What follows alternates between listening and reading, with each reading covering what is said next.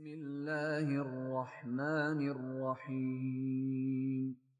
قل إنما حرم ربي الفواحش ما ظهر منها وما بطن والإثم والبغي بغير الحق وأن تشركوا بالله ما لم ينزل به سلطانا وأن تقولوا وأن تقولوا على الله ما لا تعلمون ولكل أمة أجل فإذا جاء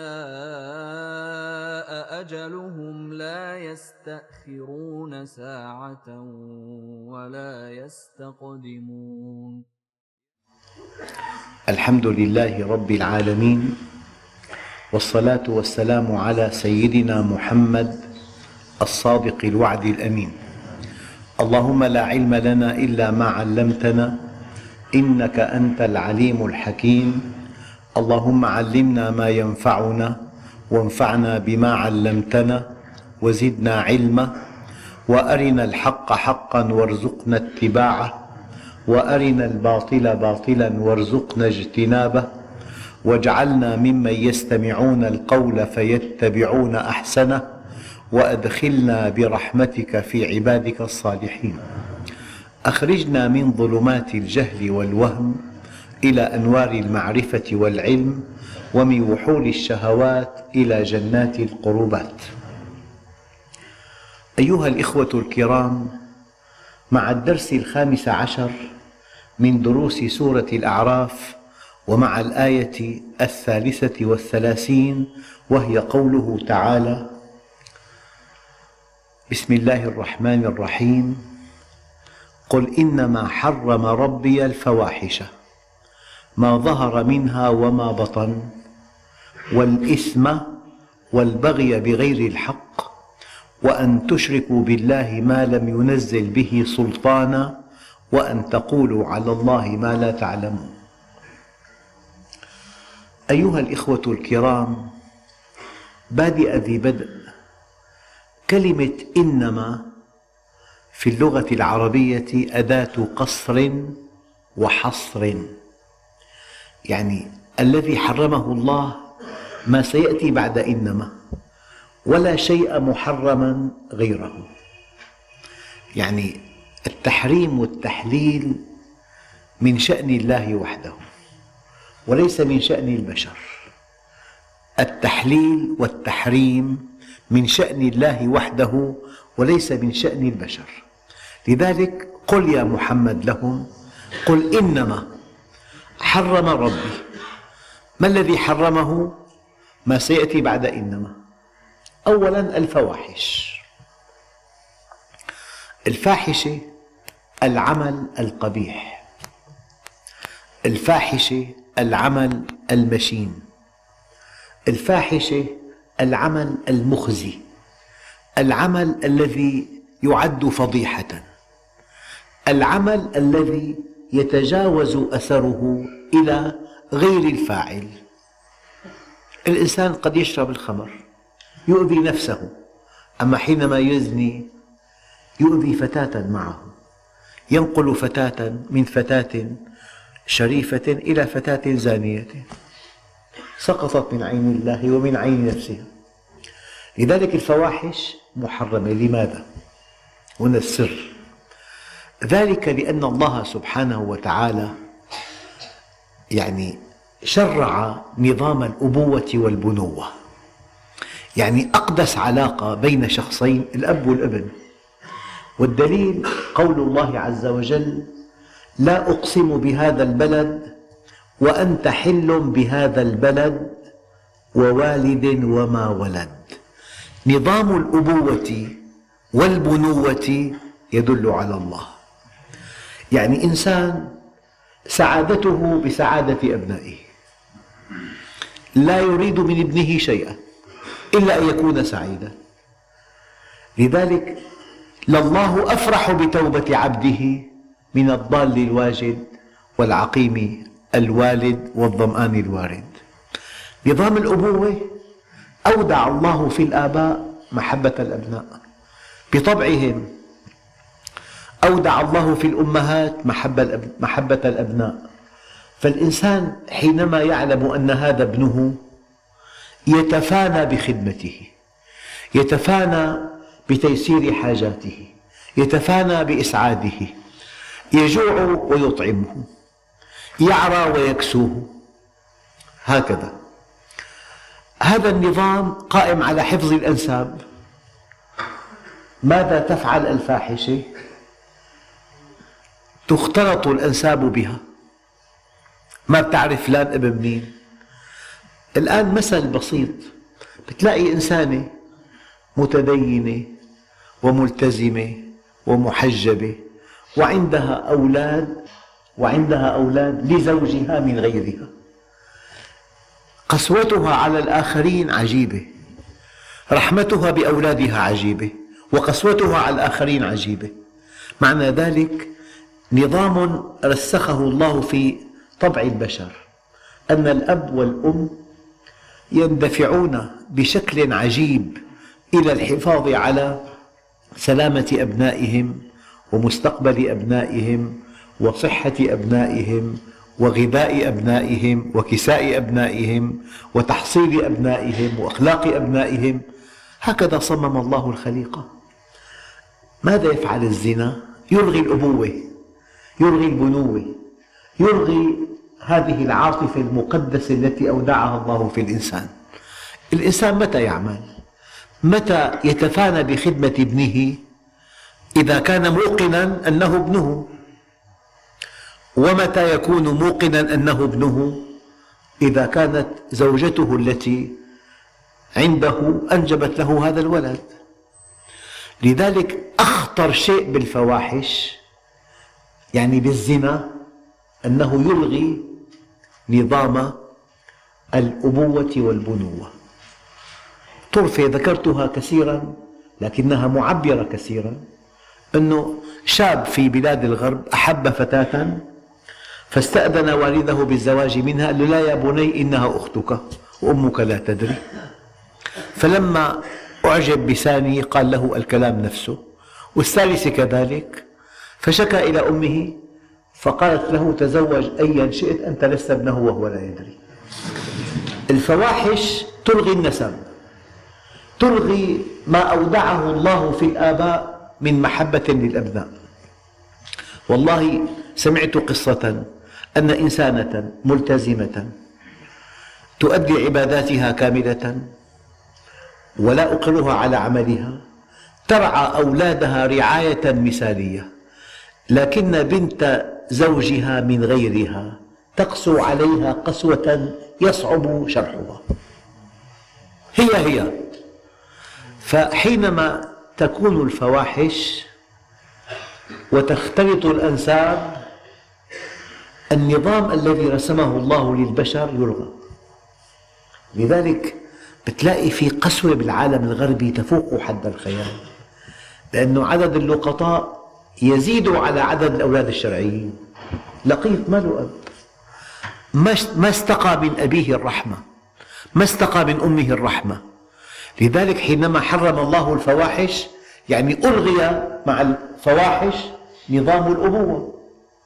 ألغي نظام البنوة. ألغيت هذه العاطفة المقدسة التي أودعها الله في الآباء. ألغيت هذه العاطفة المقدسة التي أودعها الله في الأمهات. فلذلك الفاحشة العمل القبيح العمل ال...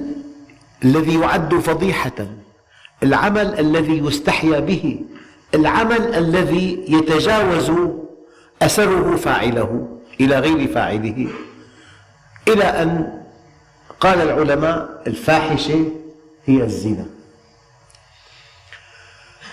ما من شهوة أودعها الله في الإنسان إلا وجعل لها قناة نظيفة تسري خلالها.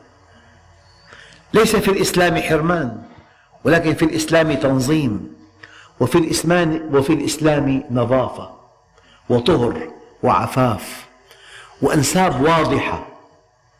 هذا أب لفلان وهذا ابن فلان وهذا ابن فلانة وهذه أم فلان. هذا الانضباط في الأنساب يفعل العواطف المقدسة التي أودعها الله في الآباء والأمهات. لذلك الفواحش تتناقض مع نظام الأسرة. الفواحش تتناقض مع نظام الأسرة. بينما الاستقامة والزواج الذي شرعه الله لنا هذا يؤكد النظام الإلهي الذي نظمه للبشر عن طريق أن الأب أودع فيه آه، في طبعه محبة أولاده. الابن مكلف تكليفا أن يبر أباه. لذلك في آيات كثيرة جدا توصي الأبناء بآبائهم. وليس في القرآن إلا آية واحدة متعلقة بالمواريث وليس في القرآن غير هذه الآية توصي الآباء بالأولاد لأنه طبع في الإنسان. لذلك قل إنما حرم ربي الفواحش ما ظهر منها وما بطن.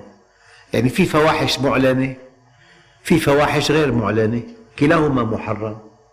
الإنسان أيام حينما يبتعد عن الله يخاف على سمعته. فقد يقترف الفواحش من دون أن يعلم أحدا بها. القرآن الكريم بين لنا أن الله يعلم كل شيء. لا تخفى عليه خافية. يعلم السر وأخفى.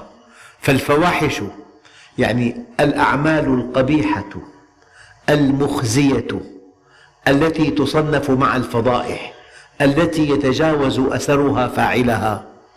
إلى إنسان آخر يعني الفاحشة هي الزنا هذه محرمة في الإسلام وفي كل الأديان وفي كل الشرائع. لأنها تسبب اختلاطا بالأنساب وإلغاء لما أودعه الله في قلوب الآباء والأبناء من تعاطف ومحبة ومؤاثرة وما شاكل ذلك. قل إنما حرم ربي الفواحش ما ظهر منها وما بطن ومن لم يكن له ورع يصده عن معصية الله إذا خلا لم يعبأ الله بشيء من عمله. وقد ورد في الحديث الشريف يؤتى برجال يوم القيامة لهم أعمال كجبال تهامة يجعلها الله هباء منثورا. قيل يا رسول الله جلهم لنا. قال إنهم يصلون كما تصلون ويأخذون من الليل كما تأخذون ولكنهم إذا خلوا بمحارم الله انتهكوها. فلذلك ما ظهر منها وما بطن. وعلامة إخلاصك لله عز وجل أن يستوي عملك في سرك وفي جهرك في خلوتك وفي جلوتك أمام الناس ووحدك في البيت. من لم يكن له ورع يصده عن معصية الله إذا خلا لم يعبأ الله بشيء من عمله. وعلامة إخلاصك أن يستوي عملك في سرك وجهرك في خلوتك وجلوتك في ظاهرك وباطنك. إذا أول شيء قل إنما حرم ربي الفواحش لأنها تلغي الأنساب. لقيط ما له أب. أخواننا الكرام الطفل. لكرامة الإنسان عند الله.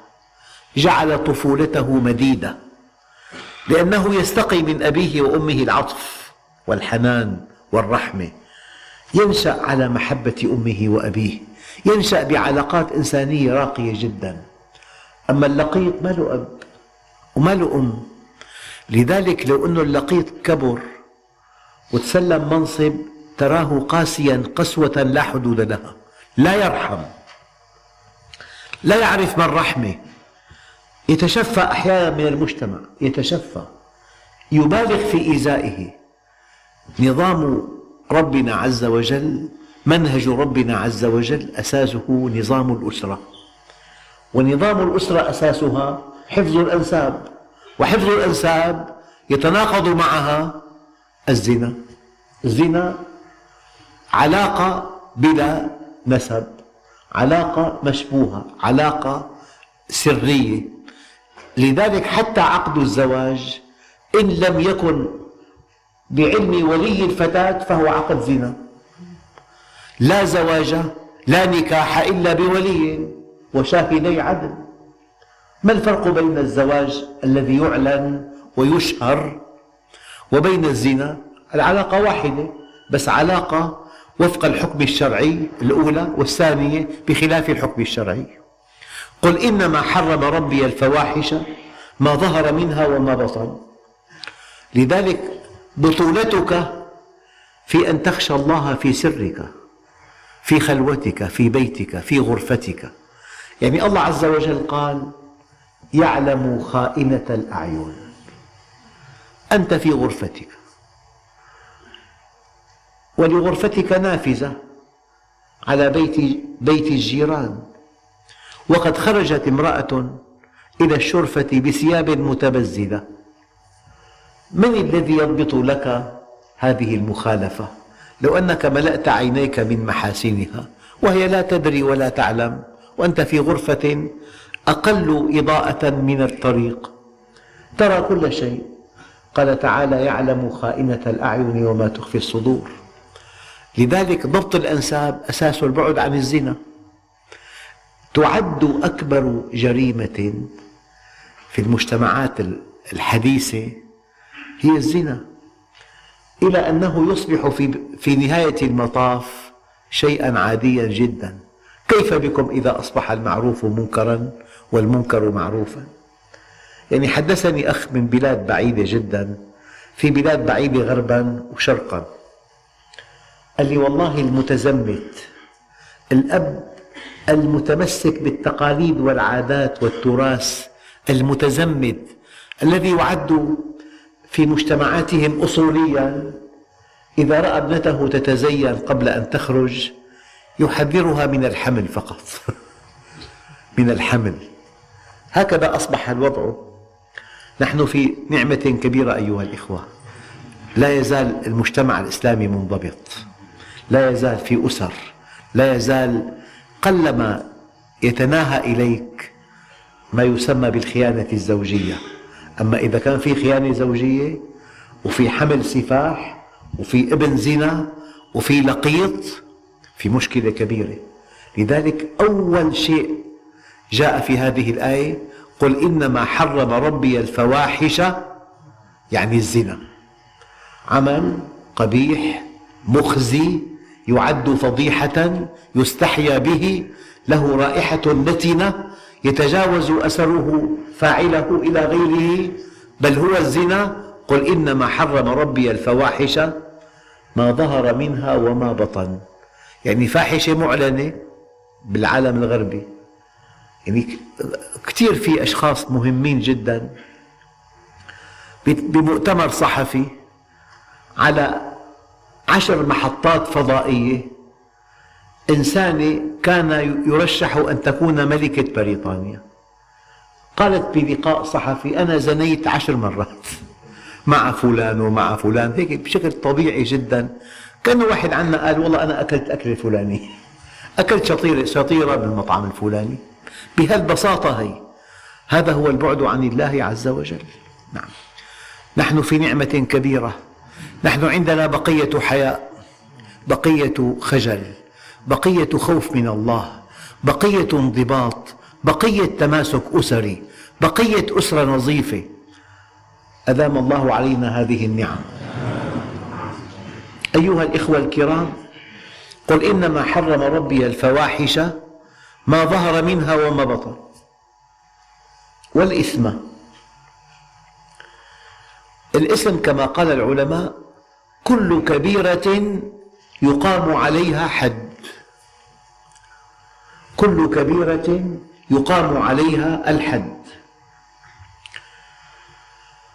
وقال بعضهم الإثم هو الخمر والميسر. الذي يشرب الخمر يقول لك أنا لا أؤذي أحدا صح. إنك لا تؤذي أحدا ولكنك آذيت نفسك. لماذا؟ الآن العلة العميقة لتحريم الإثم الإنسان أودع الله فيه عقلا والعقل مناط التكليف والعقل أثمن جهاز أودعه الله فينا. والسماء رفعها ووضع الميزان. هذا العقل يعطل بالخمر فكما أن الإنسان يعني ينبغي أن يتحرك وفق نظام الأسرة ينبغي أن يرعى أولاده أن يعتني بهم أن يؤمن لهم الطعام والشراب والمأوى والكساء والتعليم والتهذيب والتوجيه وأن يعتني بكل الطوارئ التي تطرأ عليهم. كما أن الإنسان ينبغي أن يكون حفظ النسب أساسا لنظام الأبوة والبنوة واستمرارا للحياة ينبغي ألا يعطل عقله عن أن يدير شؤونه. أبدا. ينبغي ألا يعطل عقله عن أن يدير شؤونه.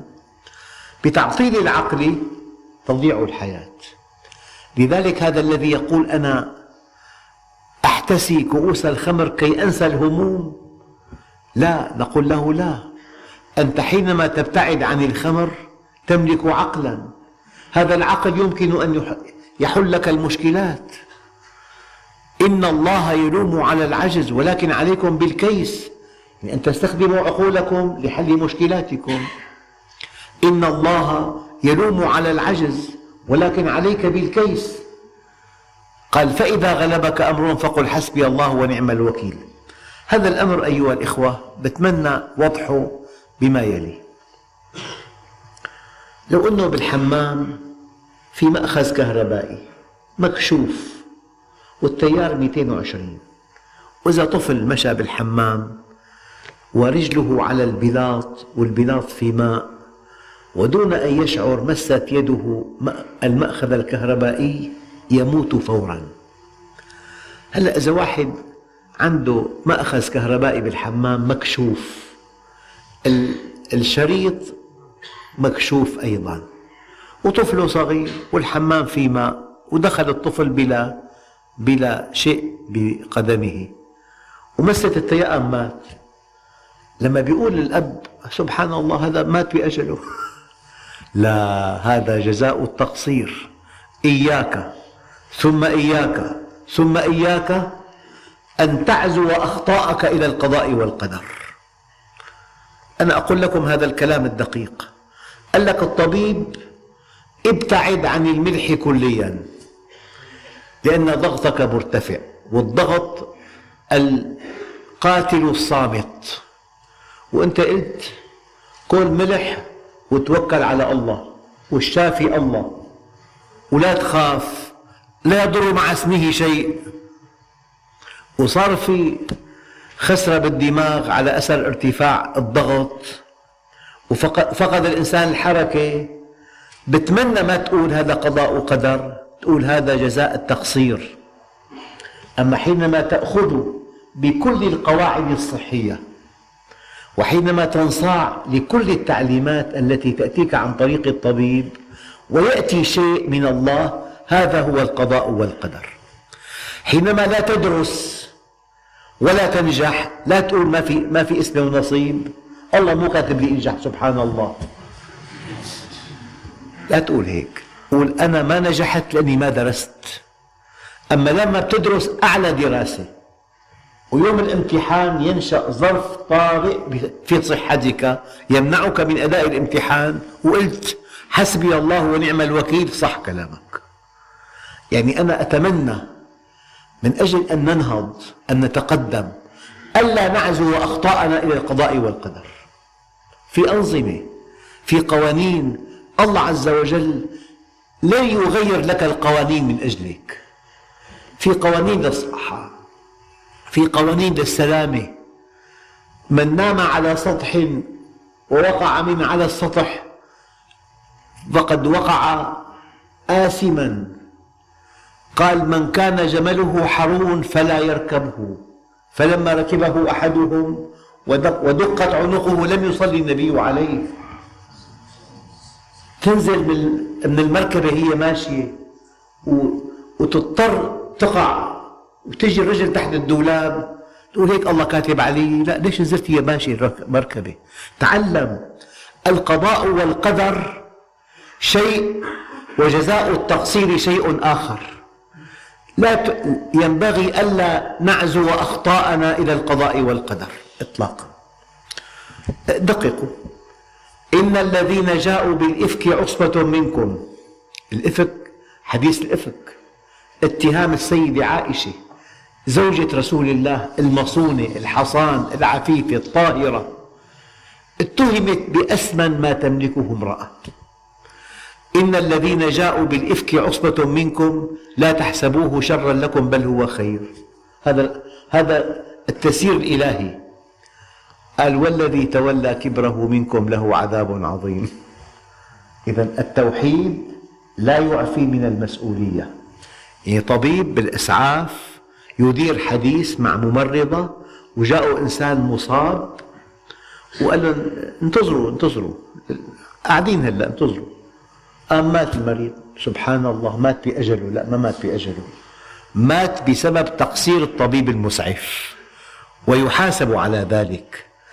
أكثر شيء أنا بيألمني خلط التقصير والإهمال والتسيب وعدم إتقان العمل وربطه بالقضاء والقدر. ركب صحن موضوع الصحن موضوع ثاني بس ركب صحن حط له برغي واحد. موجة رياح وقع الصحن فوق ابنة صديقي. فماتت. لا تقل لي قضاء وقدر. وسبحان الله. ماتت وهي بعمر الورود. لا تقول هالكلام. قول هذا الذي ركب هذا الصحن ينبغي أن يحاسب حسابا عسيرا. أنه أهمل عمله. ما دمنا نربط كل شيء بالقضاء والقدر ونغطي بالقضاء كل أغلاطنا لن نتقدم. قال عليه الصلاة والسلام من طبب ولم يعلم منه طب فهو ضامن. لما بتطبب وما لك مختص وبتعطي دواء والدواء من آثاره صدمة مفاجأة وما بتتأكد من أنه المريض يتحمل هذه الصدمة. وبتجي صدمة وبيموت ما تقول مات بأجله وهذا ترتيب سيدك. وشو بدنا نساوي؟ ولا حول ولا قوة إلا بالله. هي مشكلات العالم الإسلامي. خلط الأوراق. القضاء والقدر شيء وجزاء التقصير شيء آخر. الكسل الذي يؤدي إلى الرسوب شيء وأنه إنسان يوم الامتحان جاءه مرض عضال مفاجئ منعه من أداء الامتحان. لذلك الإنسان لما بيؤدي ما عليه ثم يستقبل أي قضاء من الله وقدر بنفس طيبة. أنا أديت, أديت الذي علي. الذي جاءني في حكمة بالغة وأؤكد لكم أنك إذا أديت الذي عليك إذا أديت الذي عليك لا يأتي القضاء والقدر إلا لصالحك لصالحك عندئذ أقول لكم وعسى أن تكرهوا شيئا وهو خير لكم. وعسى أن تحبوا شيئا وهو شر لكم.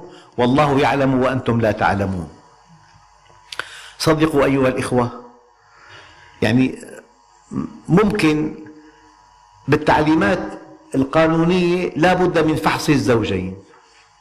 لا بد من فحص الزوجين. عمليا الفحص شكلي. يعني قد يكون في فحص لو أجري الفحص للزوجين كان هذا الزواج سيؤدي إلى أولاد عندهم أمراض في الدم خطيرة جدا. في ببعض البلاد من آلاف حالة في بلد أربع حالات فقط. مع الوعي الصحي في أربع حالات. من دون وعي صحي من دون انضباط بقواعد العلم. صار في 8000 حالة هذا الطفل الذي يولد كسيحا على كرسي. بكلف معالجة كل شهر. لازم ينضخ دم له 8 ساعات على جهاز فوق طاقة الإنسان. بكلف من من 200 ل 300 ألف كل سنة. يعني المبالغ التي تنفق على أمراض ناتجة من عدم الفحص الدقيق قبل الزواج فوق طاقة الإنسان. الحياة فيها علم. والدين الإسلامي دين علم ودين قواعد ودين مسؤولية ودين مبادئ. فلذلك الذي حرمه الله قل إنما حرم ربي الفواحش ما ظهر منها وما بطن والإثم لأنه بيعطل العقل. وإذا تعطل العقل تعطلت إدارة الحياة إنسان سكران غرقان بالسكر. الآن قل إنما حرم ربي الفواحش ما ظهر منها وما بطن والإثم يعني الخمر والخمر تعطل العقل. نحن أول شيء بحاجة إلى حفظ أنساب حتى نفعل نظام الأبوة. كل أب له ابن وحياته كلها في خدمة أولاده. بل هم زاده إلى الله بل هم جنته وناره. وأولاده امتداد له. وأولاده وجوده المستمر. هي قل إنما حرم ربي الفواحش. الفواحش بتلغي نظام الأبوة بصير في لقطاء بصير في إنسان حاقد ما, ما استقر رحمة من أمه وأبيه. والبغي والإثم الخمر تعطل العقل. الذي أنيط به إدارة الحياة العقل. يتعطل بالخمر. والبغي أولا العدوان العمل الذي يصل إلى الآخرين. هناك عدوان على العرض وعلى النفس وعلى المال. أوضح شيء المال. الآن يعني مثلا إنسان زرع أرض اشتغل سنة وباع المحصول وقبض الثمن. هذا الثمن جهد ثمانية أشهر. دوام مديد جهد عضلي كبير جهد علمي في الزراعة جهد آخر في الوقاية من الحشرات جهد تسويقي جمع المال. بالطريق لقي به أحدهم معه سلاح. قال له أعطني ما, ما في هذه المحفظة. ما الذي حصل؟ هذا القوي بهذا السلاح اعتدى على كسب هذا الرجل. كلما اعتدي على كسب الإنسان ضعفت قيمة العمل والعمل أساس التقدم أساس البناء. فحينما يعتدى على الأعراض وعلى الأموال وعلى الأنفس صار في فوضى. لعن الله من قال الفوضى البناءة. أني فوضى بناءة؟ فوضى بناءة. هذا الذي يجري حولنا. ما في أمن إطلاقا. ما في استقرار. ما في بيت ما في أسرة ما في ابن. لذلك أيها الإخوة حينما يعتدى على الأموال والأعراض والأشخاص افتقد الأمن. إذا توقفت الأعمال ودائما في الفوضى في كساد في سرقة في نهب في ضعف للأعمال. العمل أساس التقدم توقف العمل. باختلاط الأنساب ألغي نظام الأبوة والبنوة. آه، الشيء الثاني بالاسم هو الخمر ألغي العقل الذي يدير الحياة. لا بالبغي ألغي ألغي الكسب المشروع. ما عاد في قيمة للعمل.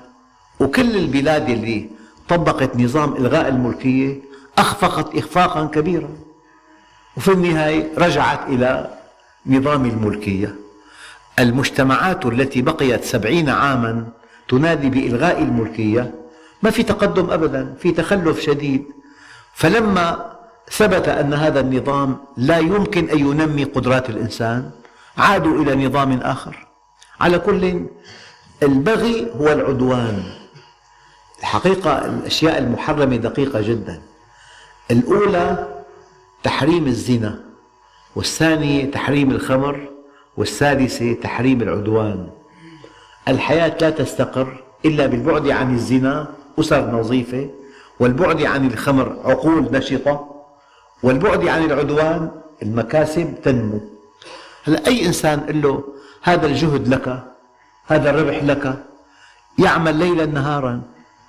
يعني الشيء حينما يكون الثمرة يمكن أن تقطفها أنت قد تتفانى في خدمة عملك.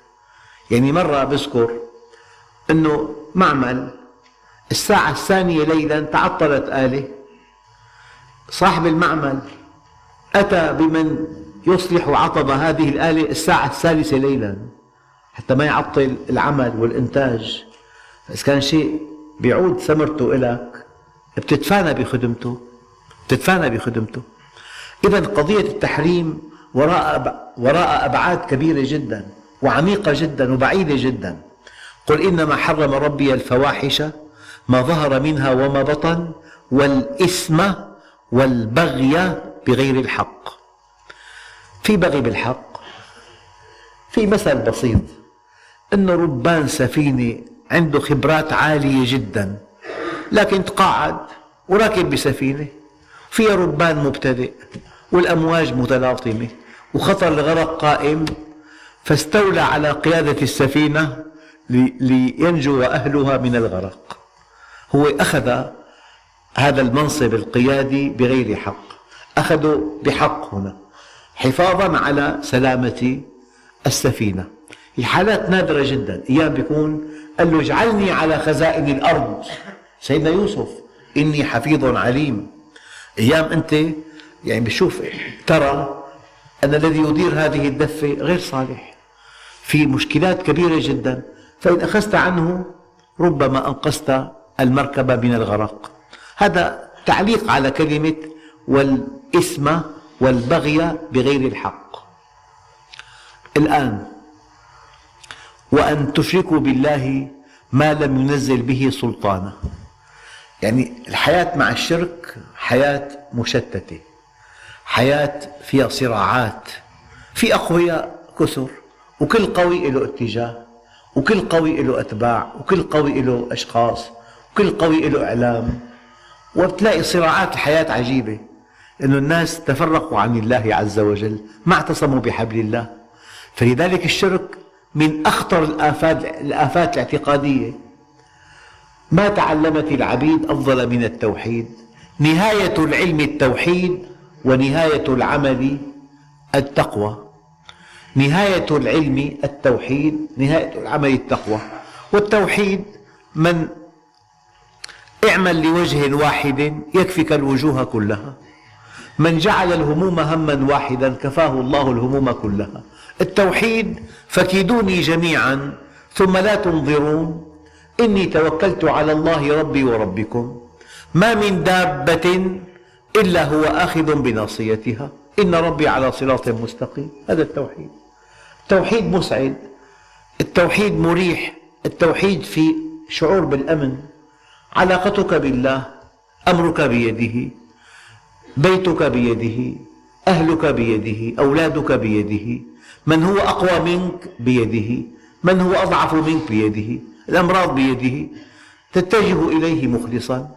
لذلك بعد أن يلغى الزنا تنضبط الأنساب يفعل نظام الأبوة كل إنسان يعتني بأولاده في بيوت نظيفة حينما تلغى الخمر العقول نشطة لإدارة الحياة حينما يلغى العدوان العمل مقدس صار. شوف البغي لصون العمل والاسم إلغاء الاسم لصون العقل.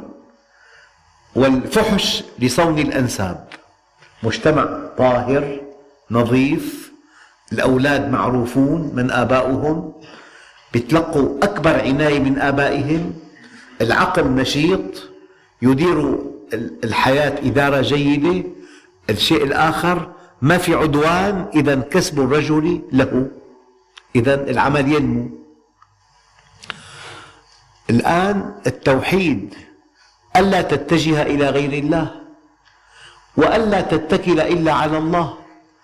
التوحيد يعني أن أنه لا رافع ولا خافض إلا الله ولا معطي ولا مانع إلا الله ولا رازق إلا الله ولا معز إلا الله ولا مذل إلا الله. يعني أنت بالتوحيد كإنسان يريد تأشيرة السفر إلى بلد معين لكن بنظام الهجرة والجوازات هذا البلد لا يحق إلا للمدير العام لإدارة الهجرة والجوازات أن تعطي الموافقة. وبناء الهجرة عشر طوابق وفي ألف موظف. هل يعقل أن تبذل ماء وجهك لأحد الموظفين؟ ما بيده شيء. الأمر منوط برئيس المركز. لذلك حينما تعلم أن أمرك بيد الله وحده لا تتذلل لإنسان ولا تخضع لإنسان وابتغوا الحوائج بعزة الأنفس فإن الأمور تجري بالمقادير. وشرف المؤمن قيامه بالليل وعزه استغناؤه عن الناس. التوحيد بنمي شخصيتك. التوحيد بيمنحك الأمن. التوحيد بيمنحك الوضوح. التوحيد بيمنحك الجرأة. كلمة الحق لا تقطع رزقا ولا تقرب أجلا. هذا هو التوحيد. لذلك وأن تشركوا بالله ما لم ينزل به سلطانا لكن أخطر شيء أن تستقي معلومات غير صحيحة عن الله عز وجل. يقول لك قائل شفاعتي لأهل الكبائر من أمتي. والله شيء حلو. ما شاء الله على الحديث. هو حديث صحيح له تفسير دقيق. لكن يفهم هذا الحديث فهم ساذج. افعل ما شئت من الكبائر. عندئذ تنالك شفاعة رسول الله. الفهم الساذج مدمر الحياة؟ لذلك وأن تقولوا على الله ما لا تعلمون. يعني إذا صح أن المعاصي رتبت ترتيبا تصاعديا بدأنا بالفاحشة ثم بالخمر ثم بالعدوان ثم بالشرك ويأتي على رأس هذه المعاصي والآثام وأن تقولوا على الله ما لا تعلمون. لذلك العوام لأن يرتكبوا الفواحش. الكبائر أفضل من أن يقولوا على الله ما لا يعلمون. قل إنما حرم ربي الفواحش ما ظهر منها وما بطن والإثم والبغي بغير الحق وأن تشركوا بالله ما لم ينزل به سلطانا وأن تقولوا على الله ما لا تعلمون والحمد لله رب العالمين.